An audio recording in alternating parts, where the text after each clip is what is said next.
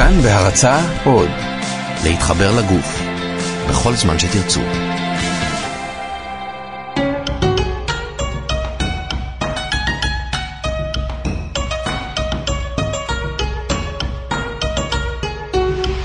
שלמות עם רז חסון התוכנית שלמות מוגשת להעשרה בלבד ואינה מחליפה חוות דעת רפואית. שלום לכם, אתם על כאן תרבות 104.9, 105.3 FM וגם uh, באפליקציות כאן וכאן אודי. Uh, ברוכים הבאים לעוד תוכנית של uh, שלמות, התוכנית השלמה לרפואה משלימה כאן בכאן תרבות. לי קוראים רז חסון, ושוב אני מארח כאן את uh, איה הוד, מנכ"לית המרכז לנטורופתיה ורפואה משלימה. היי hey, איה. היי hey, היי. Hey. מה קורה? ראית איזה חלק זה יצא לי עכשיו? לא, לא התבלבלתי לרגע. זה הולך עם הזמן טוב. כן. הייתי צריך כבר uh, לשרוק את זה, אבל בסדר, אני uh, מפרגן לעצמי. Uh, תראי, היום אנחנו נדבר על, uh, אנחנו לפעמים מדברים על כל מיני, uh, נקרא לזה מחלות נישה, נכון? כל מיני דברים שהם לא כאלה שכיחים באוכלוסייה, אבל uh, עדיין uh, קיימים ויש אנשים שסובלים מהם uh, לא מעט. היום אנחנו נדבר, בשונה מכל מיני uh, פתולוגיות או מחלות uh, פיזיות, נדבר על משהו שהוא הרבה יותר רגשי. יש לו כמובן גם ביטויים פיזיים, אבל uh, העיקר שלו הוא באמת עניין נורא רגשי, נורא נפשי, uh, וגם בו אפשר לטפל uh, בדרכים uh, משלימות ואלטרנטיביות. Uh, אנחנו מדברים על uh, דיכאון, שגם הוא מאוד שכיח באופן יחסי באוכלוסייה, נכון? נכון. דיכאון זה משהו שהוא מאוד מאוד שכיח, וקצת מוזר לי שלמרות שהוא מאוד שכיח ופחות מדברים עליו, זאת אומרת, אנשים לא תמיד מדברים עליו ויש נטייה לרצות אולי אפילו להסתיר את זה. אתה מכיר את זה ש, שלפעמים אתה שואל מישהו, אה, מה שלומך? אז הוא אומר, אה, אני בדיכאון. והוא סתם רוצה להגיד לך שמשהו לא מסתדר לו כמו שהוא רצה, או יש לו איזשהו מצב רוח קצת רע. עבר עליו יום כן, נאחס. כן. אני לא מכירה מישהו שלא הרגיש דכדוך, עצבות, או איזה יום מטורף, או איזה משהו, כן. אבל יש פער מטורף בין... להתכוון ל...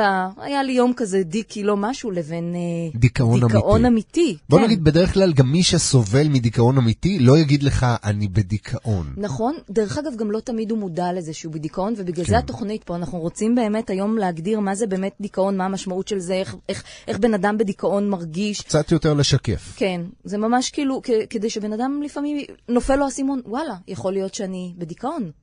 אמ, זה משהו שאם המודעות עולה, אז אתה יכול גם לטפל בזה בהתאם. ובזמן. ובזמן, נכון. כי יש גם רמות שונות של דיכאון שניגע בהן בהמשך, נכון? נכון. אבל ככל שאתה מזהה את זה נכון. בשלב מוקדם יותר, אז כך בעצם גם uh, סיכויי ההצלחה לטפל ולהעביר את זה, נכון. ולהשתקם מזה הם uh, גבוהים יותר. וכמובן שאני ארצה היום לדבר בלי להתבייש על תרופות, שאתה יודע, עם השנים השימוש בהן הופך להיות מאוד מאוד נפוץ, ואני חושבת שאני הולכת קצת להפתיע בעניין הזה. נפוץ ברמה של סוכריות, נכון? כן, היום כן. בקלות מאוד, נכון? כן. יש, uh, יש דיבור על זה נניח שכל המדינה הזאת מתנהלת על...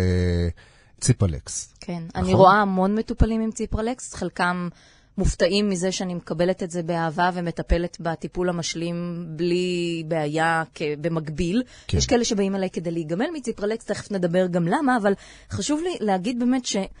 לתרופות יש מקום מאוד מאוד חשוב, אסור לשלול אותם. נכון. זה, זה, יש מצבים שהן יכולות להציל חיים, ו, ו, זה, זה משהו, אבל למרות הכל, אני עדיין חושבת שהאצבעות של הרופאים נשלחות מאוד מאוד בקלות למרשמים, לפנקסי המרשמים. אז uh, אני אף פעם לא הסתרתי את העובדה שאני פעם סבלתי מדיכאון. זה נמשך הרבה הרבה זמן, הרבה שנים. מעולם, לצערי אולי, לא טופלתי בתרופות. כן. Um, אבל uh, uh, בגלל זה אני מרגישה שקל לי יותר לדבר על זה בגובה העיניים, ובן אדם שבא אליי... כמי שהייתה ומכירה גם לעומק. את התחושה בתוך התהליך הזה. וכשבן אדם בא אליי עם דיכאון, הוא גם לא צריך להסביר את עצמו יותר מדי, או לדבר על זה יותר מדי. אני מבינה איפה הוא נמצא. אתה יודע, פעם... נתקלתי באיזשהו אה, אה, מונח שהגדיר דיכאון כסרטן של הנשמה. מאוד התחברתי למונח הזה. כן. זה, זה... שזה מונח קשה, אבל הוא מאוד מדויק. הוא מאוד מדויק, ורק מי שהיה שם יכול להבין עד כמה זה קשה. זה מחיר אה, אה, בריאותי, נפשי ופיזי מאוד קשה שמשלמים. בגלל זה המונח הזה, סרטן של הנשמה למחלת הדיכאון, זה משהו שמאוד אה, התחברתי אליו. Mm-hmm. כן. אז אמרת מחלת דיכאון, אז חשוב לומר שמדובר באמת במחלה, לא, לא, לא מדובר בתופעה או... זה, זה ממש, ב, אם אנחנו מגדירים... בהגדרה. כן, אם אנחנו מגדירים, אז דיכאון זו הפרעה נפשית שהיא מתמשכת. היא כמובן יכולה להופיע בכל גיל, ומה שמאוד מאוד מאפיין אותה, זה גם ירידה מאוד גדולה במצב רוח, בפעילות, ברצון בכלל לעשות משהו, או לקום מהמיטה, או לצאת מהבית. יש ירידה מאוד גדולה ברמה של האנרגיה, בחיות, בויטליות, בכלל, בכל דבר, בהתעניינות חברתית, במה שקורה מסביבנו, בכלל, ביכולת ליהנות מהחיים. כן. יש ירידה בכל הפרמטרים האלה.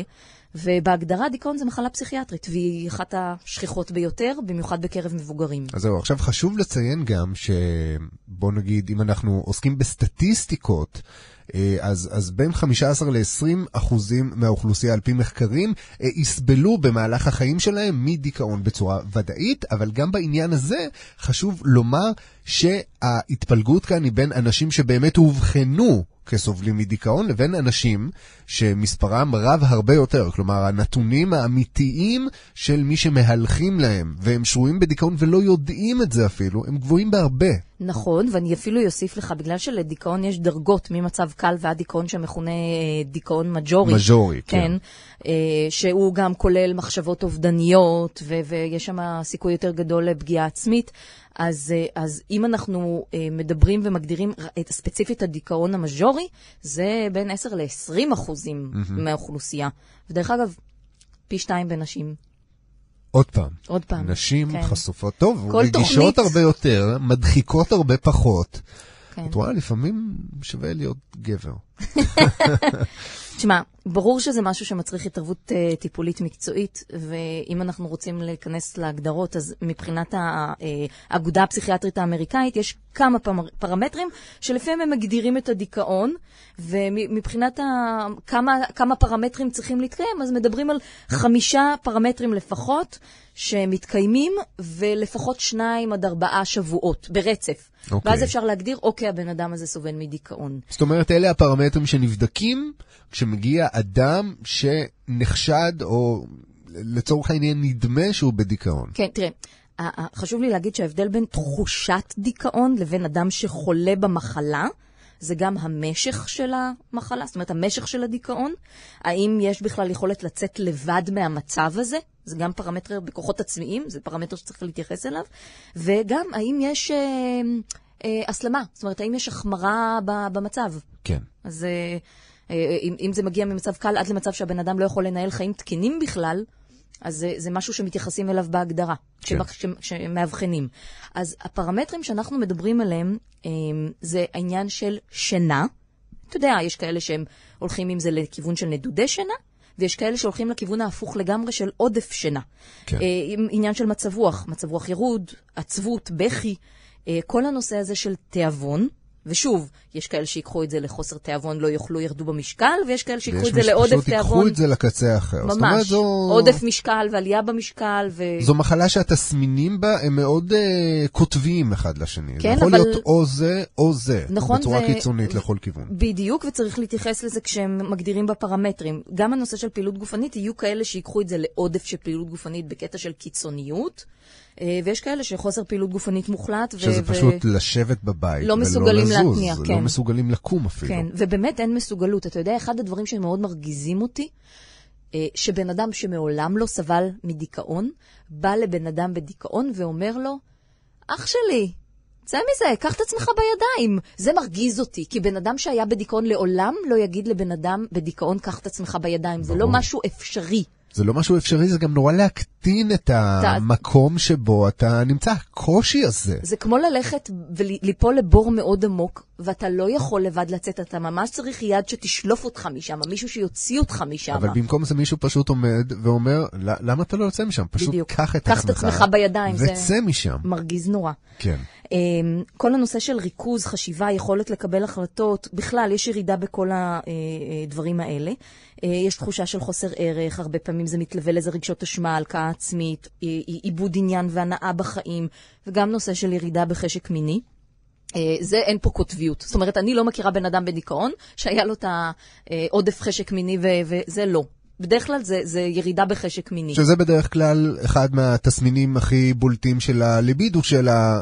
בעצם דעיכת יצר החיים. בדיוק, בדיוק. וגם יש כאלה שזה מתלווה למחשבות אובדניות, אה, מחשבות על המוות. אה, בשביל מה אני, מי אני, בשביל מה אני צריך את זה, בשביל מה לקום בבוקר. יש המון כבדות, המון עייפות, המון אי שקט, המון פסיביות. אז כל ההגדרות האלה, כש, כשרוצים לבדוק אם בן אדם באמת עונה על קריטריונים של דיכאון, אז עוברים ממש פרמטר פרמטר. אחד-אחד. כן, גם על השינה. גם על המצב רוח, גם על התיאבון, גם על הפעילות הגופנית, גם על הריכוז, גם על המחשבות הפנימיות, גם על העניין של אה, האובדן עניין בחיים, גם חשק מיני, גם המחשבות על המוות, כל הנושא של אי שקט, זה ממש עוברים פרמטר פרמטר. כן. אז כשמגדירים צריכים לפחות חמישה מתוך הפרמטרים האלה. עכשיו בהתפלגות של ה... שנמשכים, סליחה, שנמשכים יותר משבועיים עד... כן, כמובן ארבעה. גם כן, המשך פה הוא, כן, אה, כן. הוא חשוב. אה, הזכרנו בהתחלה שבאמת אה, דיכאון, זה, אפשר לחטוף את זה בכל גיל. זאת אומרת, בכל כן. שלב בחיים אפשר לשקוע בדיכאון, תלוי בכל מיני אה, דברים, אבל עדיין יש צמתים מרכזיות בחיים שבהם השכיחות... של אדם אה, ללקות בדיכאון היא, היא גבוהה יותר, אנחנו מכירים את זה גם מעצמנו, גם אם לא באמת שקענו בדיכאון, אבל שמנו לב באמת שבתקופות האלה בחיים אולי היה איזשהו דכדוך יתר, כולנו מכירים את, אה, אה, או זוכרים לפחות בחלקנו, את תקופת ההתבגרות, שהרבה מתבגרים נוטים לשקוע בדיכאון, להתבודד לפעמים. אנחנו מדברים על דיכאון שמגיע לפעמים אחרי לידה, מה שנקרא דיכאון של אחרי לידה.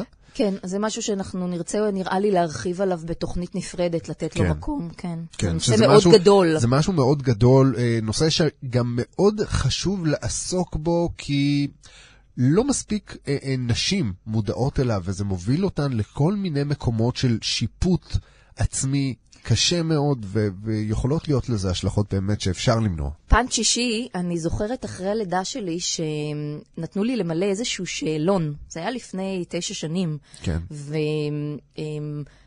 והאחות מטיפת חלב התקשרה אליי ורמזה לי שאני בדיכאון.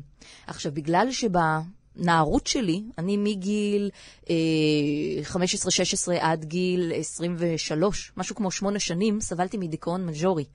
אה, כולל מחשבות אובדניות, כולל הייתי במקום הכי גרוע שיכול להיות מהבחינה הזאת, אז כשהיא אמרה לי שאני סובלת מדיכאון אחרי לידה, עכשיו הייתה מודעות שם, ידעתי בגלל ההיסטוריה שלי שיש סיכוי יותר גדול אחרי לידה לסבול כן. מדיכאון, אז מאוד טיפלתי בזה והייתי במודעות לזה, אז כשהיא אמרה לי את זה, נפנפתי אותה, אמרתי לה, אני? מה פתאום, איזה דיכאון אחרי לידה? כי אני השוויתי את זה למה, למה שהיה שחווית אז, שהיה בעוצמות מאוד. שלא ניתן לתאר בכלל. אבל כן, בדיעבד, אני סבלתי גם מדיכאון אחרי. לידה. כן, חד משמעית. ולפעמים מאוד קשה אה, לראות את זה או להודות בזה, כי אתה מתפקד, אבל אתה לא רואה, אתה, או שאתה משווה את זה למשהו קשה יותר, או שאתה אומר, רגע, אבל אם אני ממשיך לתפקד ולקום בבוקר, אז כנראה שאני לא. וזה לא נכון. נכון. זה לא כי נכון. קושי בדרך כלל נתפס כמו משהו של פרופורציות, נכון? כן. אם אני יודע כמה קשה היה לי, אז, אז מן הסתם עכשיו אני לא באמת בדיכאון, אני אולי מדוכדך. אז דיברנו באמת על לידה, יש נשים שגם בתקופת המחזור החודשי, לקראת הווסת, או בתקופת הווסת, גם סובלות מדכדוך. אה, אנחנו גם מכירים את התקופה הזאת אה, בגילאים אה, מתבגרים יותר, אנשים שמגיעים ל- לגיל זקנה בעצם, ומסיבות שונות שקשורות או באובדון או אפילו ב- ב- ביכולת לקבל את עצמך ב... נקרא לזה בגרסה המבוגרת הזאת, שיש לה מגבלות מסוימות, אה, זה גם משהו שיכול אה, להקשות, וכולנו גם מכירים את אה, הדכדוך הזה שמגיע עם תקופת הסתיו או החורף, האפרוריות הזו בחוץ, יש אנשים שמגיבים לזה, למשל כמוני, שאני מאוד מושפע מגשם ואפרוריות, פתאום הכל נראה לי הרבה פחות שמח, זו הסיבה שאני אוהב את הקיץ למרות שאני גם שונא אותו. זה מין יחסי אהבה שנאה כאלה. אז בואי, בואי באמת נדבר על הסימפטומים, אוקיי? כן, אז תסמינים. אני מחלקת אותם ל- לסימפטומים רגשיים, לסימפטומים קוגניטיביים, לסימפטומים שהם תפקודיים ולסימפטומים שהם פיזיולוגיים. שיש בעצם כמה ביטויים, נכון? בדיוק, שזה אבל- לא רק רגשי. בדיוק, זה ממש לא רק רגשי. מי שסובל מדיכאון יכול גם לחלות במחלות פיזיות מאוד מאוד מאוד קשות ועד סרטן, אוקיי? אמ, אז רגשית, כמובן, שהגיוני שתהיה עצבות מאוד עמוקה ו- ופסימיות, והם רואים שחורות, הכל שחור, הכל, אין, אין שום דבר חיובי. אה, כעס, אה, אה, יש המון חוסר שקט ומתח, יש הרבה הרבה הרבה ייאוש וחוסר תקווה. אומרת, וגם אי אפשר לעודד, אי אפשר להגיד, אה, שטויות, תסתכל על זה בזווית אחרת. לא. כשאתה בדיכאון, אין זווית אחרת. אין זווית אחרת. יש זווית אחת. כן, יש המון עיבוד עניין, עיבוד שמחה והנאה, אה, אה, אה, ביקורת עצמית וגם שנאה עצמית, אה, אה, הרבה תחושה של אפסות וכישלון והלקאה עצמית והערכה עצמית נמוכה. המון אשמה. המון המון המון. אה, ב- הרבה בדידות, כי אתה, אתה מבין שאתה לבד שם, אתה מבין שלא יכול להרים את עצמך לבד מהמקום הזה, ואתה גם מבין שאחרים לא מבינים את המצב בדיוק. שלך. אז יש שזו המון... באמת תחושה, באמת אחת, ה... אחת הקשות, זו מין תחושת חוסר האונים הזו שאתה אפילו לא יכול לשקף להסביר. לאנשים איפה אתה באמת נמצא. כן. ואז כשהם אומרים לך, כמו מה שהזכרת בהתחלה, פשוט צא מזה, אתה, הם, הם בסך הכל מנסים לעזור. באותו רגע חיסלו אותך. הכוונות טובות, אבל כן. באותו רגע אתה רק מבין יותר. כמה לא שאף מבינים. אחד לא מבין בכלל נכון. מה עובר עליך. והרבה פעמים זה גם מוביל לחוסר רצון להיות בחברה. לא רק מהסיבות האלה, אתה פשוט לא רוצה את ההתעמתות הזאת עם האנשים. אתה לא רוצה כי שיראו זה אותך... סתם מרגיז. כן, אתה לא רוצה שיראו אותך ככה, אתה גם לא... שום דבר שיגידו זה, זה לא ישמח אותך, למרות שאומרים לעשות מאמץ, להיות בחברה, ולא להפסיק אה, את השגרה, ולא להסתגר. ולא להתנתק. ו- וממש כן. בכוח לצאת, אבל זה לא פשוט. אה, הרבה פעמים אה, ברמה הרגשית גם יש חרדות בדיכאון, אבל חשוב לי להגיד שלא תמיד דיכאון מלווה בחרדה, וגם לא תמיד חרדות מלוות בדיכאון. נכון, שני הדברים האלה יכולים להתקיים להתקיים- בנפרד, אבל לפעמים הם מתקיימים בחופף. מה שנקרא, אם יש לך מזל. נכון. אז הנטייה היא להסתגר. זה, זה ברמה הרגשית. ברמה הקוגניטיבית, אנשים שסובלים מדיכאון מאוד מאוד קשה להם להקשיב, מאוד קשה להם להתרכז. הם מאבדים אה, אה, אה, את האינפורמציה בצורה אחרת. מאוד קשה לאבד את האינפורמציה שאומרים להם. הכל איטי, החשיבה איטית, מאוד קשה לקבל החלטות. זה כל הכל... התהליך הזה בעצם מופרע. נכון, נכון. וברמה התפקודית, יש, אה, אני לא מכירה אישה בדיכאון שתתאפר, תשים אודם, תתלבש בכל הבגדים היפים שלה ותצא ככה מהבית. בדרך כלל יש הזנחה אסתטית, בדרך כלל המראה מדוכא. יש, אה, לא רוצים להתלבש, לא רוצים לעשות דברים. אה, אפילו ברמה של דברים שעושים אותם בשגרה, כמו ללכת לעבודה, לטפל בילדים, לתחזק את הבית. יש שם, אין, אין רצון לעשות שום דבר. זה כן. ברמה התפקודית, מאוד קשה, זה לא רק לא רצון, זה קשה. יש לי מטופלת בדיכאון שאמרה לי, אני באה, משתרכת על הספה, לא יכולה לעשות שום דבר. הבעל מטפל בילדים, היא... זה, זה מין אפתיות כזאת וחוסר יכולת. יש גם את המאבק הפנימי, איזה אימא אני, ולמה אני לא יכולה, ולמה אני לא מסוגלת. זה סוג של מצב עוף. זה זה כאילו נורא. מתג פשוט... זה נורא כבוי. קשה. זה נורא קשה. יש שם, אין מרץ כמו שאנחנו רגילים להיות. ו... כן, ו- וברמה הפיזיולוגית, לפעמים אנשים סובלים ממש בכאבים בחזה, קשה לנשום, יש עייפות, יש כאבי גב, כאבי מפרקים, כאבי בטן, כאבי ראש. אה, אה, אה, אחד הדברים שאמרתי שמאוד מאפיין זה נדודי שינה, יש שינויים בתיאבון. אז כך שהסימפטומים הם מאוד מאוד מאוד רחבים, והם פוגעים כמעט ב- ב- בכל, בכל פן בחיים. כן. ממש ככה. בהקשר למה שאמרת קודם על דיכאון אחרי לידה, מאוד מאוד חשוב לשים, לדעת ש, שיש הבדל גדול בין baby blues לבין דיכאון אחרי לידה. כן. אה, baby blues כמעט יש לכל אחת. זה משהו הרבה יותר שכיח, כן, הרבה ש- פחות אה, מדאיג גם. כן, זה, זה גם אה, בדרך כלל עובר, אבל דיכאון אחרי לידה זה משהו אחר לגמרי, והוא לא מופיע כמו baby blues מיד אחרי הלידה. זה משהו שלוקח לו חודשים, הרבה פעמים להופיע, אחרי הלידה. כן. עד שהוא אז- מתפתח ובעצם עד שניתן גם לאבחן אותו ככזה. בדיוק, אז מאוד לשים לב לזה. baby blues זה לא דיכאון אחרי לידה, דיכאון אחרי לידה זה משהו מאוד מאוד ספציפי, ואני מקווה שנקדיש לזה תוכנית. בהחלט.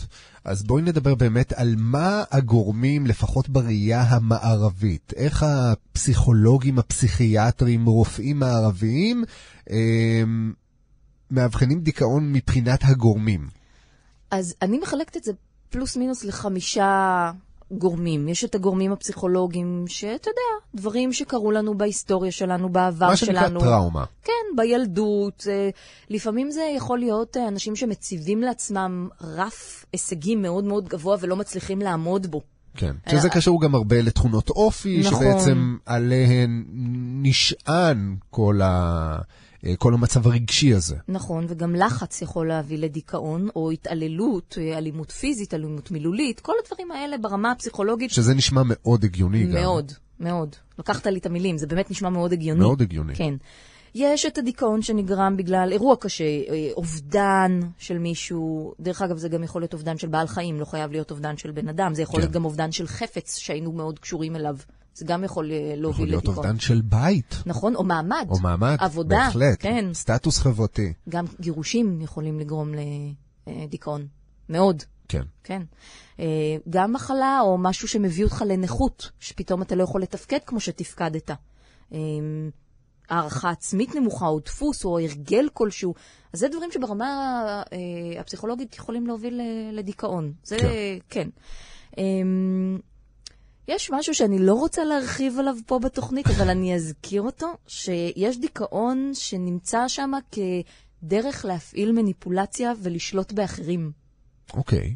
אני לא ארחיב עליו. שזה לא באמת דיכאון? לא, זה אלא- דיכאון אמיתי, אבל? אבל אתה לא, תוצא, אתה לא תעשה דברים כדי לצאת ממנו באמת, כי אתה משתמש בו בשביל להשיג דברים אהה. מאחרים. זאת אומרת, אנשים שלקו בדיכאון, ובעקבות המצב שלהם הם זוכים ליחס טוב יותר מהסביבה, והם קצת מתאהבים במקום הזה. נכון. כי הם מבינים שאם הם יצאו ממנו, אז הם יחזרו פשוט להיות כפי שהם היו קודם לכן, ולכן אנשים יחזרו לא להתייחס אליהם או להעניק להם יחס מיוחד. בדיוק.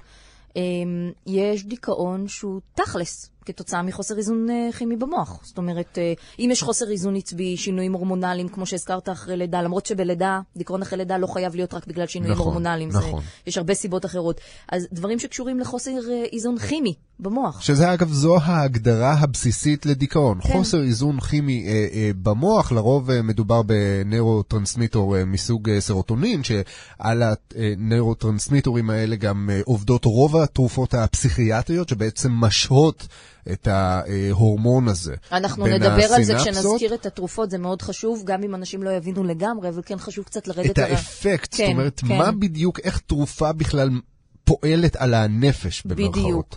ויש גורמים שהם אה, פיזיולוגיים גופניים שיכולים לגרום לדיכאון. זה יכול להיות תת פעילות בלוטת תריס שלא מטופלת, זה יכול להיות תזונה קלוקלת, ודרך אגב, פה אני ממליצה ספר מדהים של פטריק קולפורד, שנקרא תזונה אופטימלית לנפש. תזונה אופטימלית לנפש, שם הוא מסביר ממש בגובה העיניים מה הקשר בין מה שאנחנו אוכלים לבין איך למחשבות שאנחנו. מרגישים כן, וחושבים. לגמרי, לגמרי. חד משמעית. מחסורים תזונתיים יכולים לגרום לנו לדיכאון, וגם שתיית האלכוהול מופרזת, ו- ו- אז זה דברים שברמה הפיזיולוגית יכולים להוביל לדיכאון. אז זהו, אמרת אלכוהול, חשוב לומר שגם שימוש בסמים. ברור. שסמים יש להם אפקט אה, אה, אה, אה, פסיכו...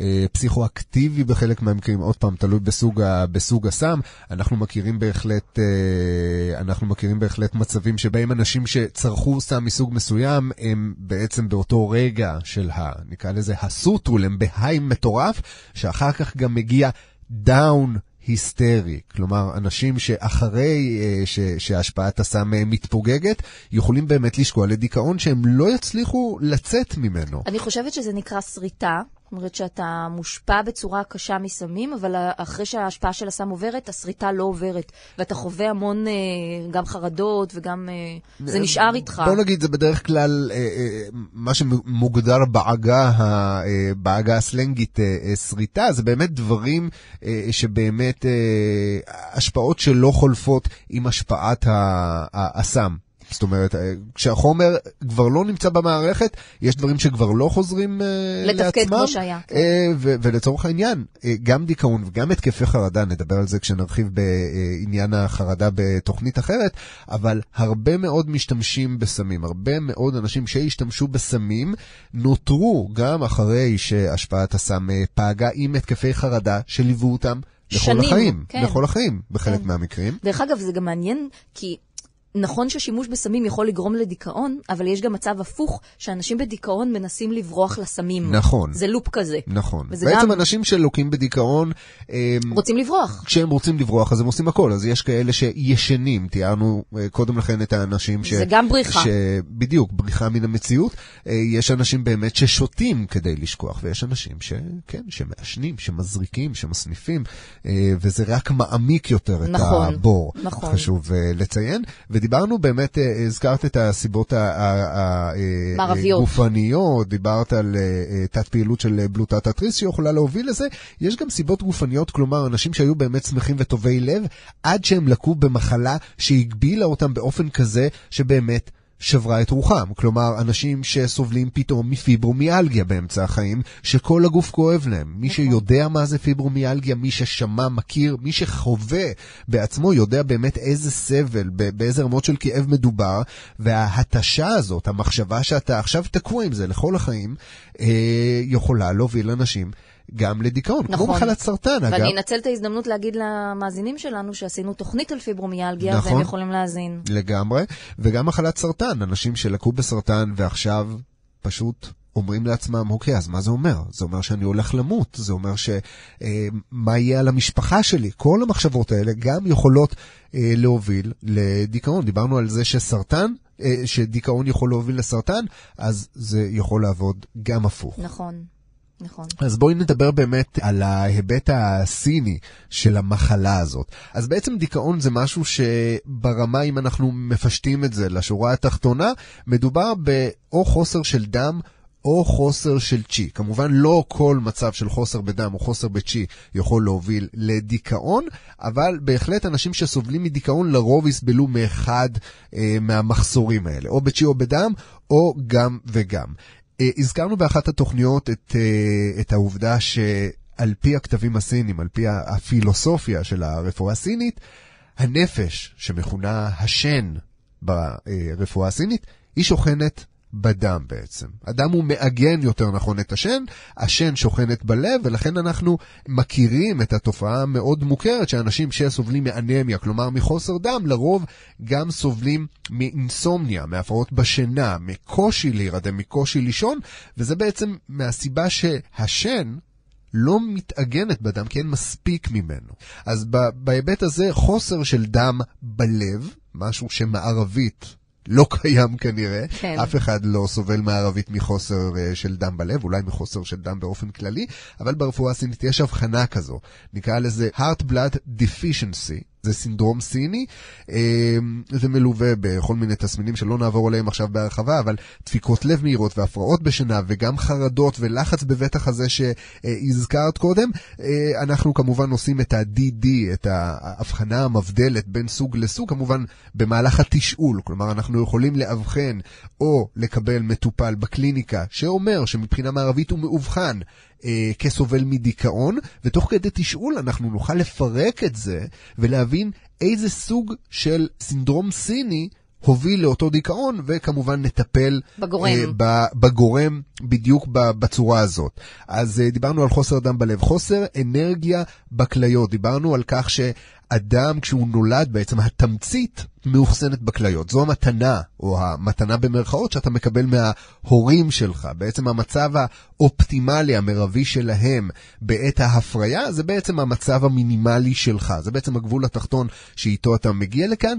ומה לעשות, יש אנשים שנולדים עם הנטייה הזאת, משהו שגם מוכר מערבית, אם ההורים שלך סבלו מדיכאון או סבלו מהפרעות נפשיות, סטטיסטית יש סיכוי לא רע שזה יימשך אה, אה, גם אצלך, אז ברפואה הסינית אנחנו מדברים על, על חוסר אנרגיה בכליות, במצב כזה לצערנו אין אפשרות לחזק את האנרגיה, כי לחזק, אם זה מה להוסיף. שהגעת, זה מה שיש. בדיוק, כן. זה מה שיש, אבל אפשר לתמוך בה.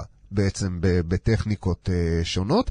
Um, אחת הסיבות השכיחות ברפואה הסינית זה חוסר אנרגיה של הטחול. כלומר, חוסר בצ'י הטחול, מה שמכונה ספלין צ'י דפישנסי, וזה באמת מתחבר לנושא של תזונה. אנחנו מדברים כאן על דיכאון שמלווה גם בחוסר תיאבון. אותם המקרים האלה, כמובן שיש כאן איזושהי מעורבות של הטחול. אנחנו מדברים על אה, אנשים שסובלים אה, מחולשה באופן כללי, מדעיכה אנרגטית, אה, כמו אותה מטופלת שסיפרת שהיא פשוט משתרעת על הספה ופשוט באמת אין לה את הכוח בגוף. זה גם לא רק עניין של רצון. באמת אין אנרגיה לקום ולעשות, והטחול הוא בעצם מחולל האנרגיה אה, של הגוף. וכמובן, הכבד שהזכרנו גם בתוכניות אה, קודמות, נכון? דיברנו על כך שבעצם כל רגש ברפואה הסינית, אה, משפיע על הכבד, ובעצם הכבד הוא זה שמשפיע על המערכות האחרות, אם זה ההשפעה של הטחול, שלרוב גם קשורה לכבד, אם זה השפעה על הקיבה, אנשים ש... אה, אם אנחנו ניקח את זה לענייני חרדה. כן, הקיבה היא של החרדות. כן. בדיוק, אז אנשים מרגישים דברים בקיבה, צרבות שעולות. אנחנו מדברים גם על uh, מצב שבו uh, uh, קוצרי נשימה בהתקפים של חרדה, אנשים מרגישים שהם לא יכולים לנשום, שהם לא נושמים טוב.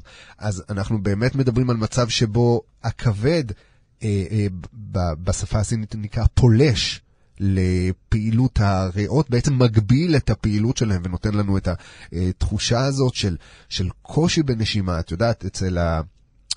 אצל, ה, נקרא לזה הספרדים, אצל המזרחים, זה נקרא סוג של רסרה כזאת. זה מין תחושה כזאת שיושבת לך על החזה. מועקה. אתה מרגיש, בדיוק, אתה מרגיש שמשהו יושב עליך. זה, זה, משם גם מגיע המקום הזה שאתה רואה בן אדם שנראה במצב לא טוב, ואתה שואל אותו מה יושב עליך, כי זו באמת התחושה. כן. שיש פה איזשהו משקל מטורף שמכביד עליך. אמ, והדיכאון הזה באמת מלווה בשינויים אה, גם שיכולים להיות קיצוניים. אה, במצב הרוח, מה שיכול אגב להסביר, למרות שנרחיב על זה בהזדמנות אחרת, אבל גם אה, מצבים בגיל ההתבגרות, שזה מצבים שבהם הרבה דברים משפיעים עליך ברמה הרגשית, מצבים של דיכאון אחרי לידה, שאנחנו מדברים על לידות שבהן אה, נשים מאבדות הרבה מאוד דם, או שבמכה אחת הופכות להיות באמת אנמיות. אמרנו כבר מה הקשר בין השן לדם בעניין הזה. אה, אנשים שגוזרים על עצמם אה, צומות משונים וכל מיני תזונות לא מבוקרות, שהם מחליטים שהם נמנעים אה, מסוכרים באופן גורף ביום אחד, ופתאום נראים לנו כמו קליפות אדם כשהם הולכים ככה ונראים באמת נטולי שמחת חיים. אז זה ברמה הזאת. דברים שאתה מדבר ברמה הסינית, גם אם לא תמיד מבינים את הכוונה, נשמעים מאוד הגיוניים. הכל, הכל קשור אחד לשני כן, איכשהו. כן. אני רוצה להזכיר קצת את הנושא של הטיפול הקונבנציונלי, בלי להאריך יותר מדי. שהוא השכיח ביותר, אגב, כן. היום, בעולם באופן כללי. נכון, והוא בדרך כלל משלב גם טיפול פסיכולוגי וגם טיפול תרופתי. נכון. התרופות אה, נגד דיכאון בעצם מעלות את הנוירוטרנסמיטורים, המתווכים העצביים. את הרגישות כן. שלהם. אז מתווכים עצביים יכולים להיות סרוטונין, אדרנלין, דופמין, מלטונין, נורדרנלין, אבל כל החבר'ה האלה במוח, בעצם התרופות עובדות עליהם בכל מיני מנגנונים. אז למשל, יש את התרופות האלה שמעכבות את הקליטה חזרה שלהם לתוך העצב, ואז הכמות שלהם עולה במרחב הבין, אה, אה, אה, המרווח הסינפטי. יש תרופות שמה שהן עושות זה לעכב אנזים מסוים, וזה מונע פירוק של נוירוטרנסמיטורים, ואז הוא גורם לעלייה של הדופמין והנורדרנלין במוח. יש תרופות ממשפחת ה-SSRI, מכירים מאוד את השם הזה כי זה תרופות מהדור החדש, שהן נכון. בעצם אה, אה, מבוססות על עיכוב אה, ניצול מחדש של הסרוטונין. דרך אגב, הראשונה הראשונה והידועה היא הפרוזק. פרוזק, פריזמה, אפקטין, פלוטין. בדרך כלל לוקח לש... שלושה שבועות להתחיל להשפיע. עד שהיא משפיעה, נכון. כן, כי צריך זמן עד שהסרוטונין יצטבר ותהיה יצירה של עוד קולטנים. אבל לתרופות החדשות בדרך כלל לוקח פחות זמן להשפיע וגם עם פחות תופעות לוואי. אז היום פרוזק נחשבת מאוד מיושנת. אולד fashioned. כן, ומה שתופס את המקום שלה זה תרופות שעובדות בעצם בפעולה דומה, אבל עם פחות תופעות לוואי, זה יכול להיות הציפרמיל. ציפרלקס, שהזכרנו קודם. סרוקסט, פקסט, לוסטרל, ציפרמיל, רסיטל, כל החבר'ה האלה. ויש תרופות, לא ה-SSRI, יש את ה-SNRI, זו משפחה אחרת של תרופות שהן מעכבות קליטה ש... ופירוק של גם סרוטונין ועוד. אה, ועוד דברים ועוד ש... ועוד נוירוטרנסמיטור אחר, והכי כן. נפוץ שאנחנו מכירים זה האפקסור מהמשפחה הזאת. כן. Um, אני חושבת שככל שעוברות השנים, יותר תרופות מגיעות לשוק, אנחנו מגלים דברים וזה. אני לא מתנגדת לטיפול הזה. אני חושבת שאם בן אדם נמצא במצב אה, אובדני, במצב שכמו שתיארנו קודם, שתיארנו את הסימפטומים של דיכאון מז'ורי, הטיפול הוא צריך להיות מיידי, כן, כן. זה לא עניין תהליכי, כן, זה, כן. זה SOS. כן. מדובר באמת במצב חירום, אבל רק לפני שאנחנו נמשיך, למי שזה נשמע לו באמת כמו סינית, אה, עד עכשיו הקטע הזה של אה, ההשפעה התרופתית, רק אה, ניתן באמת מבוא ב, במשפט ל... אה, לאופן uh, התפקוד של המוח במובן הזה, כמו שלפעמים כשאנחנו מסתובבים uh, באיזושהי פרפומריה, כן, ואנחנו מריחים יותר מדי בשמים, ובשלב מסוים אנחנו כבר לא, לא מריחים כלום, לא מצליחים להשתחרר מהריח הזה. זה כי בעצם הסינפסות במוח שלנו, שזה בעצם מערכת כזאת של, ש, ש, שעשויה מכל מיני uh, uh, זרועות קטנים כאלה שפשוט מחוברים אחד לשני, ב, ב, הם לא מחוברים. הם, כן, הם, הם פשוט נורא קרובים והם מעבירים אותות. אחד לשני, וכמובן יש לכל אחד בקצה גם אה, אה, קולטנים שקולטים הורמונים וחומרים אה, שונים.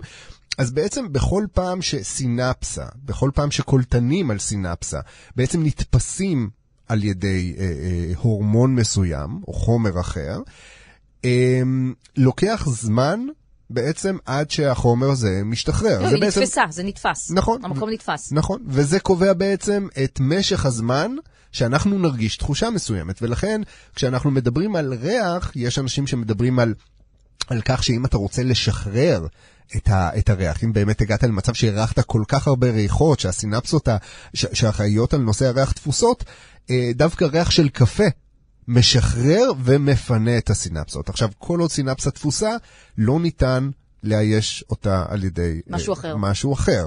כן. אז בעצם התרופות האלה, אה, הפסיכיאטריות עובדות על מצב שבו משהים חומרים בין הסינפסות, זאת אומרת שסינפסה תחזיק חומר יותר זמן, זמן. ולא תשחרר אותו, וכך תשפיע בעצם על התחושה שלנו. איך הם- מה- גם מאט את הספיגה, ואז יש יותר מצטברות של חומר בין ה... בדיוק. ואז אז כן. זה, זה, זה בעיקרון משחקים כאלה, כן. של השעיה אה, ארוכה יותר, השעיה אה, קצרה יותר, זה העיקרון על בדיוק. קצה עכשיו, המזלג. למרות שלתרופות מהדור החדש יש הרבה פחות תופעות לוואי, זה לא אומר שאין תופעות לוואי, זה יכול להיות... וחבל. אה, כן, זה, זה, זה יכול להיות אה, בעיות עיכול, עצירות, בחילות וכאלה, זה יכול להיות כאבי ראש, זה יכול להיות שלשולים, עצבנות, פריחות, הזעות, כל מיני נדודי שינה, אי שקט וכאלה. יש כאלה שנורא מפריע להם הקטע של התיאבון שעולה, ואז הם עולים במשקל, ואז הם מחפשים תרופות אחרות שפחות משפיעות על התיאבון. יש כאלה שזה פוגע להם מאוד בהון המיני, אז הם מעדיפים אפילו לסבול מדיכאון, רק לא מאוד זה, אבל זה, זה גם בדיכאון... ב- גם ככה אתה כבר, אין לך את החשק המיני, כן. אז הם מעדיפים לקחת את התרופה. אין פה נכון או לא נכון. הרבה, אני, אני, יש גם דרך אגב אנשים שלא מרגישים בכלל תופעות לוואי והתרופות עושות להם כל כך טוב, ויש אנשים שסובלים אה, מתופעות קלות ומוכנים לשלם את המחיר הזה, רק לא להיות שוב פעם בדיכאון. כן. אני בכוונה לא מזכירה את העניין הזה של התמכרות אה, לתרופות האלה, כי הטענה אומרת שהתרופות מהדור החדש בעצם לא ממכרות, וכל עוד אה, אה, אה, היא עוזרת אז אפשר לקחת, ואחרי זה, אחרי שעוברים את התקופה הקשה אפשר להיפטר מהתרופה ולתפקד כן. כרגיל. אני לא יודעת להגיד עד כמה זה נכון או לא נכון, אני יודעת על אנשים שלקחו בתקופה קשה תרופה, זה עשה להם המון טוב, הם אה, אה, הסתדרו, ו- וברגע שהמצב התאזן, הם הפסיקו עם התרופה והכל היה בסדר, ואני גם מכירה אנשים שלא, אני מכירה אנשים שברגע שהפסיקו את התרופה, המצב חזר לקדמותו והם חזרו אליהם מאוד מהר. בגלל זה אני לא מסתכלת על תרופות אה, כפתרון. זה יכול להיות משהו זמני, אבל זה לא פתרון. אז, כן. אז אה, כן, אני לא מתנגדת אליהם, ולפעמים אני אפילו עוזרת לאנשים לקבל בהכלה ובאהבה את הטיפול התרופתי שהם קיבלו. כי רק ההתנגדות לזה שהם לוקחים את התרופה יכולה להחמיר את הבעיה. נכון. קיבלתם, אתם זקוקים, תלטפו את עצמכם, תחבקו את עצמכם, תכילו את זה, קבלו את זה באהבה.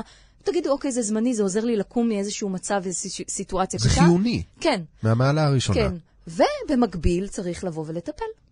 צריך לטפל, זה לא אומר לקחתי תרופה וסוג טיפול, גם יש כאלה שתרופות בכלל לא משפיעות עליהם. נכון. אז, אה, אז בואי, בואי באמת נדבר אולי, דיברנו על אלה שהתרופות אולי לא משפיעות עליהם, דיברנו על אנשים שכן מטופלים מערבית. אנחנו כאן יושבים, שני מטפלים ברפואה משלימה בעצם, לא רפואה מערבית. למי אנחנו בעצם פונים פה?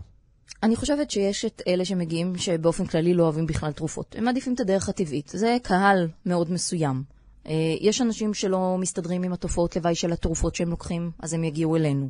יש אנשים שיש להם דיכאון קל או בינוני, לא מאוד קשה, אז הם אומרים, אני אנסה קודם כל, לפני שאני אלך לתרופות, אני רוצה לנסות דברים uh, טבעיים. יש אנשים שהם אה, לא יכולים להשתמש בתרופות כמו נשים בהיריון, נשים מניקות, למרות שיש תרופות שמאושרות לנשים בהיריון. הרבה פעמים בהיריון נשים יעדיפו את הדברים הטבעיים ולא לקחת פה סיכונים. אה, ויש כאלה שלוקחים תרופות וזה לא עוזר להם, אז הם באים. זה הקהל בעצם. כן. אז על זה אני רק רוצה להוסיף שיש גם את האנשים שבאמת לוקחים תרופות ורוצים פשוט להעצים באמת את, ה, אה, את ההשפעה. את ההשפעה. או למנוע תופעות לוואי של התרופות. לצורך העניין. כלומר, חשוב לדעת שאם זה לא או-או. בשונה, בדיוק, שאם בשונה מתוכניות אחרות שבהן נניח דיברנו על מחלות דלקתיות או על כאבי גב, ודיברנו על תרופות כמו ארקוקסיה, שאנחנו באמת היינו ממליצים להימנע ולהימנע ככל הניתן, כן, ו, ובאמת אה, אה, למצוא פתרונות אה, טבעיים לבעיה הזו. כשאנחנו מדברים על דיכאון שהוא מחלה נפשית, אנחנו באמת לא מדברים על או או. נכון. שניהם יכולים להיות לגמרי ביחד, ובשונה מ... את יודעת מה? אפילו היחס, ב, נקרא לזה בקהילת הרפואה המערבית, השתנה. כלפי הרפואה המשלימה בשנים האחרונות, כי בעבר נורא פחדו מזה. אמרו לאנשים, אם אתה עכשיו מקבל ממני את התרופה הזאת, אם זו פרוזק לצורך העניין, אתה לא עושה שום דבר אחר. לא דיקור, לא טיפול, לא כלום. זה מה שאתה מקבל, ועם זה אתה נשאר. היום פשוט ברפואה אה, אה, מערבית, בעולם הרפואה המערבית, אה, הם מבינים שהרפואה המשלימה, שבעצם האלמנט המשלים הזה, יכול להיות מאוד דרמטי להצלחה של תהליך אה, אה, טיפולי מערבי, ו... והוא יכול להתקיים בד בבד בלי שום בעיה, נהפוך הוא. אמרת פה עכשיו משהו מאוד מאוד חשוב, אני מסבירה את זה בצורה כזאת. כשבן אדם מגיע במצב מאוד מאוד מאוד קשה, לפעמים אי אפשר לעבוד איתו, אי אפשר לטפל בו. אני תמיד אומרת, אין לי בעיה לקחת בן אדם שנמצא בנקודה A, נגיד בדיכאון, כן. ולהביא אותו לנקודה B, שהוא שמח וטוב לו והכל בסדר. אבל אם בן אדם בכלל לא מגיע אליי בנקודה A, אלא במינוס A, אז לפעמים דווקא הטיפול התרופתי יכול לעלות אותו במעלית הזאת ממינוס A ל-A, שבכלל אפשר יהיה להתחיל לטפל בו. נכון, הוא בעצם מאפשר את, ה, את הגישה שלנו אל המטופל, למקום שבו אנחנו באמת אה, יכולים לעזור. עכשיו, היו אה, אה, אה, הרבה מקרים שבהם מטופלים מגיעים בדרך כלל... אה, נקרא לזה בשלבים מוקדמים. עכשיו, שלבים, שלבים מוקדמים לרוב הם uh, שלבים uh, מאוד טובים, כלומר, רצוי לטפל בבעיה כשהיא uh, בחיתוליה, mm-hmm. אבל חשוב לומר שברפואה משלימה, לרוב אם נרשמו לכם תרופות פסיכיאטריות, אנחנו uh, נשמח ונרצה לסייע לכם, אחרי שהתרופה, מה שנקרא, קיק אין, אחרי שהיא נכנסת כבר למערכת ואתם מתחילים להגיב לה ואתם יודעים בדיוק מה גבולות הגזרה שלכם בתוכה, שזה לרוב קורה אה, משהו כמו שלושה שבועות בממוצע. מיום לקיחת התרופה לראשונה. אני אפילו מרחיקה לכת ואומרת שישה שבועות, ואני גם רוצה להגיד את המצב ההפוך. אנשים שהולכים לפסיכיאטר ואומרים לו, אנחנו רוצים להיגמל מהתרופה, תבואו אלינו משהו כמו שלושה חודשים לפני שאתם מתחילים את הגמילה מהתרופה. כדי לבנות את התשתית לגמרי. התומכת. אני, בדיוק, כדי שכשתתחילו להוריד את התרופה, לא תתחיל נסיגה, שיהיה פה איזשהו משהו בסיס שתומך בכם. כן. אז זה מאוד חשוב. כשאנשים באים אליי, אני עכשיו נגמל. לא, לא נגמלים עכשיו. בוא תיתן לנו להכין את התשתית, לחבר אותך לאיזשהו משהו תומך, אה, להכין את הכל. ואז תתחיל עם הרופא שלך את הגמילה, וגם אז הגמילה בעיניי צריכה להיות הדרגתית ולא בבת אחת. אז בואי באמת נדבר על הבסיס התומך הזה שאנחנו מספקים לפני שניגע בתמיכה אה, שמספקת באמת הרפואה הסינית. בואי נתחיל מהנטורופתיה. אוקיי. Okay. אז קודם כל, אנתרופט מסתכל על הכל ביחד. הוא מסתכל גם על התזונה, גם על הצמחים, גם על תוספי מזון, גם על פעילות גופנית, גם על התחום של גוף נפש. יש לנו המון המון כלים. אז אם אני מתייחסת לפעילות גופנית, בשבילי זה היה הדבר ששמר על השפיות. אני יצאתי כל יום בבוקר להליכה של שעה, לא משנה, חורף, קיץ, אה, אבק, זה, זה מה ששמר על השפיות, כי פעילות גופנית בעצם אה, אה, עוזרת להתרוממות רוח, לשמחה, היא מזרימה דם וחמצן למוח, היא מגבירה את החיוניות, היא משפרת את הערך העצמי ואת הביטחון, היא משפיעה על הכימיה במוח בצורה ישירה, ישירה. היא מביאה את המערכות של הגוף לתפקד בצורה טובה יותר. מבחינתי פעילות גופנית זה משהו שאנשים נוהגים קצת להמעיט בה, או אנשים בדיכאון מתקשים לקום ולצאת מהבית ולעשות אותה, אבל מבחינתי אני מסתכלת על זה כמו... כמו על תרופה עוצמתית, תרופה לכל דבר, ולא צריך בשבילה מרשם, היא זמינה לרוב בני האדם, לא צריך כסף בשבילה, פשוט לשים נעליים ולצאת מהבית. ודרך אגב, מחקרים אה, אה, אה, מצאו שפעילות אה, גופנית מוגברת קשורה לירידה בסימפטומים של דיכאון, של חרדה, של חוסר מנוחה, של תשישות, של נדודי שינה. אז פעילות גופנית מבחינתי זה הדבר הראשון שאני רוצה לוודא שבן אדם בדיכאון מודע אליו ומתחיל כן. לעשות אותו. כן. אה, כל הנושא של תזונה, הזכרתי קודם את הספר, מה שאנחנו אוכלים משפיע על איך נרגיש, חד משמעית. על איך שנתנהג. חד משמעית. התזונה משפיעה על הכימיה שלנו, היא משפיעה על כל המערכות בגוף שלנו, היא קובעת אה, אה, את המצב רוח שלנו. זה הדלק. ברור. וגם היא משפיעה על מערכת עיכול שלנו, וידוע שמערכת עיכול שלנו, אה, אני לא יודעת איך הסינים מסתכלים על זה, אבל מערכת עיכול שלנו משפיעה בצורה קריטית על מה שקורה בנפש. כן. קריטית. למשל, אנשים שנוטים לעצירות, יש להם נטייה יותר לסבול מדיכאון, מעצבנות, ממצבי רוח, כל הפסולת שבמקום לצאת נספגת חזרה בזרם הדם. אז בעצם הגישה התזונתית מכוונת לתזונה שהיא נקייה וטבעית, שהיא לא מכניסה כימיקלים, כן. לא למוח, לא לגוף, לא לשום מקום אחר, לא לתאים בגוף, אבל זו גם תזונה שהיא מאוד מכוונת להעלאה של רמות הסרוטונין במוח. אז למשל, צריך להבין, דרך אגב, שסרוטונין לא נמצא באוכל. אנחנו לא יכולים, אין, אין, אין סרוטונין באוכל, אנחנו לא נקבל אה, אה, סרוטונין מה, מהתזונה, אבל מה כן? הסרוטונין אמנם נוצר בגוף, נכון. אבל חומרי הגלם של הסרוטונין, זה כן נמצא בתזונה. אז אני צריכה לכוון את הבן אדם לתזונה שיש בה חומרי גלם שהגוף יוכל להשתמש בהם כדי לייצר סרוטונין. מה למשל? למשל, יש חומצה אמינית שנקראת טריפטופן. חומצה דיברנו עליה כבר. באיזה הקשר? אני לא זוכר, אבל אני זוכר את השם, נורא אהבתי אותו. אוקיי, אז זו חומצה אמינית, היא מגיעה מהאוכל. אם אנחנו משלבים אותה בצורה נכונה, למשל עם גלוקוז, זאת אומרת פחמימות, כן. אז זה יכול לאפשר לה כניסה למחסום ה-BBB במוח. לברן ב... Blood brain barrier. בדיוק. ואז הסרוטונין יכול לתת את העבודה. למה אני מדגישה את זה? כי יש אנשים שאומרים, אה, אז אני אקח כדור של טריפטופן, יש תוסף מזון של טריפטופן. אבל, אבל אם לא לקחת אותו בצורה נכונה ושילבת איתו באוכל משהו, אז הוא לא יגיע לאן שהוא צריך להגיע. כן. אז אה, הגוף לא ידע להשתמש בו. שוב, זה עוד פעם ההבדל שאנחנו שמים עליו דגש כמעט בכל תוכנית בין צריכה לספיגה. זה שאתם צורכים משהו לא מבטיח בהכרח שהוא נספג בצורה האופטימלית. חשוב לדעת. עוד דבר שאני שמה עליו דגש בתזונה, אני רוצה שהתזונה תכיל ויטמינים מהקבוצה של ה-B, של ה-B קומפלקס. אה, כולל B12 וכולל חומצה פולית, כי הם אלה שקשורים למערכת עצבים. הם מזינים אותה, הם שותפים ביצירה של הסרוטונין, של המלטונין, של הדופמין, של האדרנלין, של כל הנוירוטרנסמיטורים שהזכרנו קודם. כן. גם מזונות כמו פירות וירקות שמכילים הרבה ויטמין C, כי הוא מאזן את בלוטת האדרנל, הוא מחזק את הגוף, גם במצבי מתח, במצבי סטרס. אני צריכה תזונה שמכילה הרבה אומגה 3, לצערי מאוד קשה להגיע לזה רק דרך תזונה, אז אני משתמשת בתוספים. תוספים. כי אתה יודע, אומגה 3 קשור גם כשחקרו אותו בהקשר של דיכאון, וגם כל נמצא קשר ממש, ממש. הדוק מאוד. לגמרי. וכמו שאמרתי, אני מסלקת מהתפריט אלרגנים ודברים שהם כימיקלים ולא טבע- טבעיים, מפחיתה חומרים ממריצים כמו קפאין, במיוחד מי שיש לו דיכאון שמלווה גם בחרדות. אה, עישון ו- ואלכוהול זה משהו שאני לא יודעת אפילו אם צריך להזכיר אותו, זה כאילו obvious, אתה סובל מדיכאון. נכון, יש נטייה יותר לרצות לעשן בדיכאון, כי הרי העישון גורם לה- להעלות את המצב רוח, אבל זה מה זה מזויף? כי עד הסיגריה הבאה אתה כבר ב... ברור. זה יורד אתה עוד. באוברדרפט כן. אפילו. כל הנושא של ממתיקים מלאכותיים, אה, הורדת סוכרים פשוטים. בכלל, כשאנחנו מונעים קפיצות של סוכר ונחיתות למצב של היפוגליקמיה, כי היפוגליקמיה יכולה לגרום לדיכאון. אז ברגע שאנחנו מונעים את הקפיצות והתנודות הקיצוניות האלה של סוכר בדם, בזכות תזונה נכונה, אז אה, זה יכול מאוד מאוד אה, לעזור לנו בטיפול בדיכאון. כן. אמ, זהו, דרך אגב, כל המחקרים האלה שדיווחו על שוקולד כמפחית דיכאון, הכוונה היא לא לסוכרים, אלא למוצקי קקאו, אוקיי? למוצקי קקאו, כי הם מכילים חומצות אמינו חי- חיונית, חומצת אמינו חיונית, אה, אה, יש לה השפעה נוגדת דיכאון, היא מרגיעה, היא נמצאת בכמות אה, יותר גדולה בשוקולד מריר, שהוא מעל 70% מוצקי קקאו, כן. אז לא סוכר, לא. לא סוכר. שוקולד איכותי מכיל את החומרים האיכותיים כן. האלה.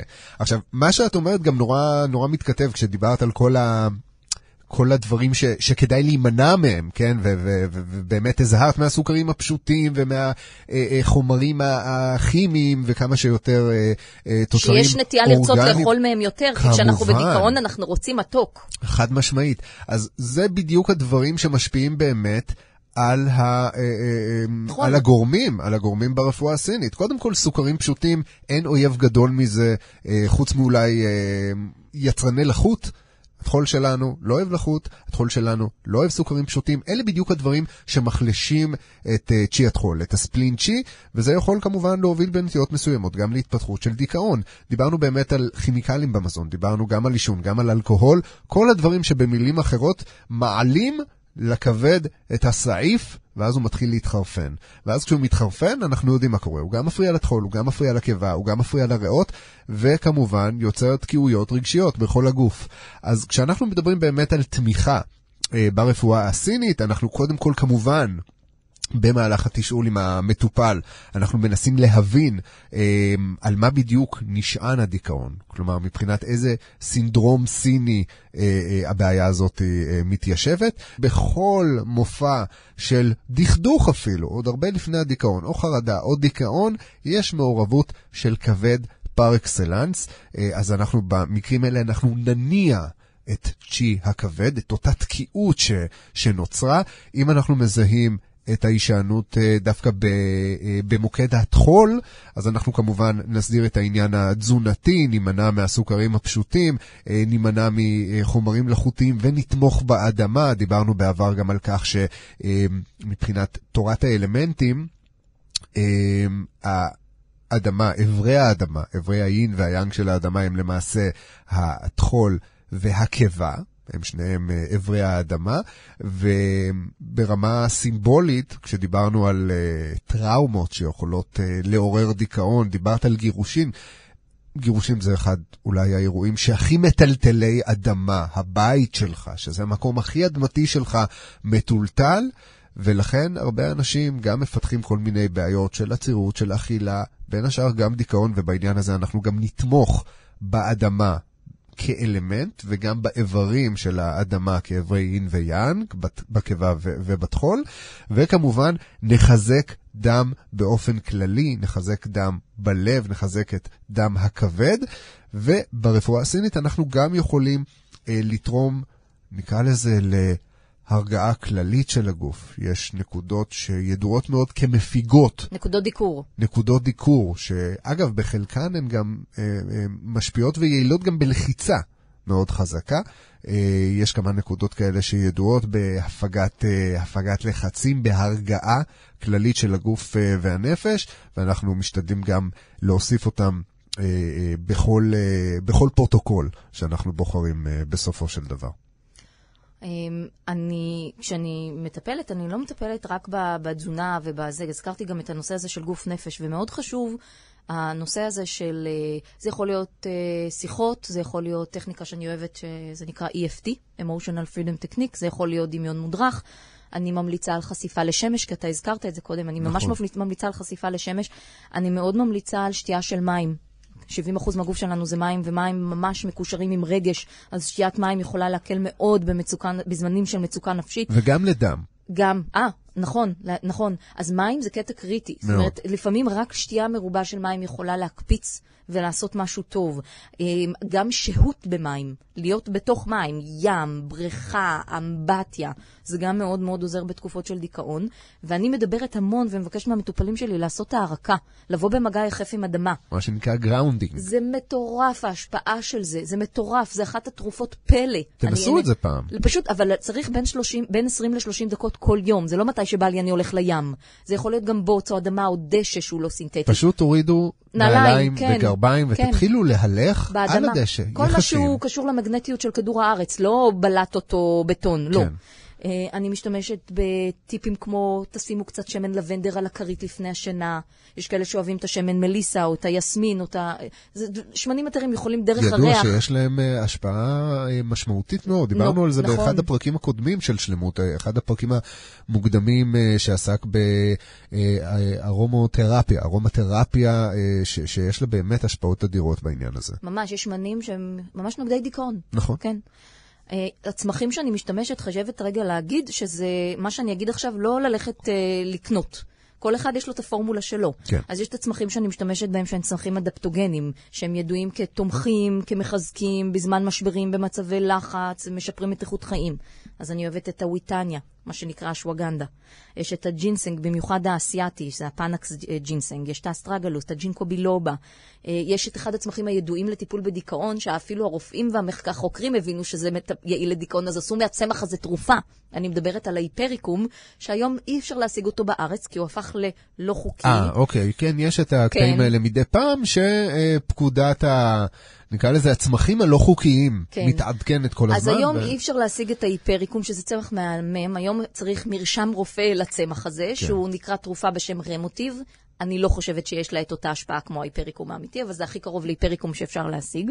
אלא אם כן אמ, אתם מגדלים היפריקום בגינה. לא, לא חוקי, לא חוקי.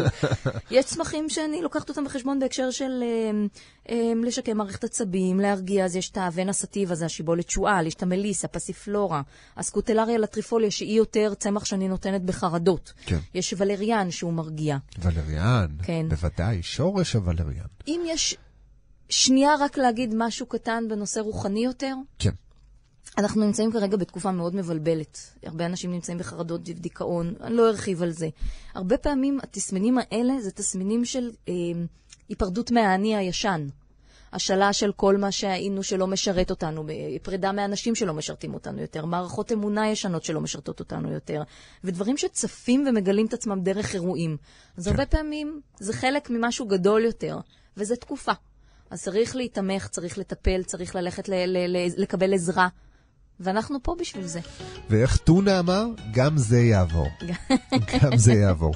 אז אה, איה, תודה רבה שהיית איתנו אה, כאן אה, שוב. בכיף. נשתמע בתוכנית הבאה. תודה רבה גם לכם שהייתם איתנו, שהאזנתם, שהאזנתם לנו בעוד תוכנית של שלמות. אם היה לכם מעניין ואתם רוצים עוד, אז תוכלו להאזין לכל הפרקים האחרים בסדרת שלמות, גם של איה וגם שלי. אה, באפליקציה שלנו, בכאן אודי, שאתם מוזמנים להוריד אם עדיין לא הורדתם, או להיכנס לעמוד האינטרנט שלנו, אה, ההסכתים שלנו, הפודקאסטים שלנו של שלמות, כל הפרקים בסדרת שלמות אה, ממתינים לכם שם.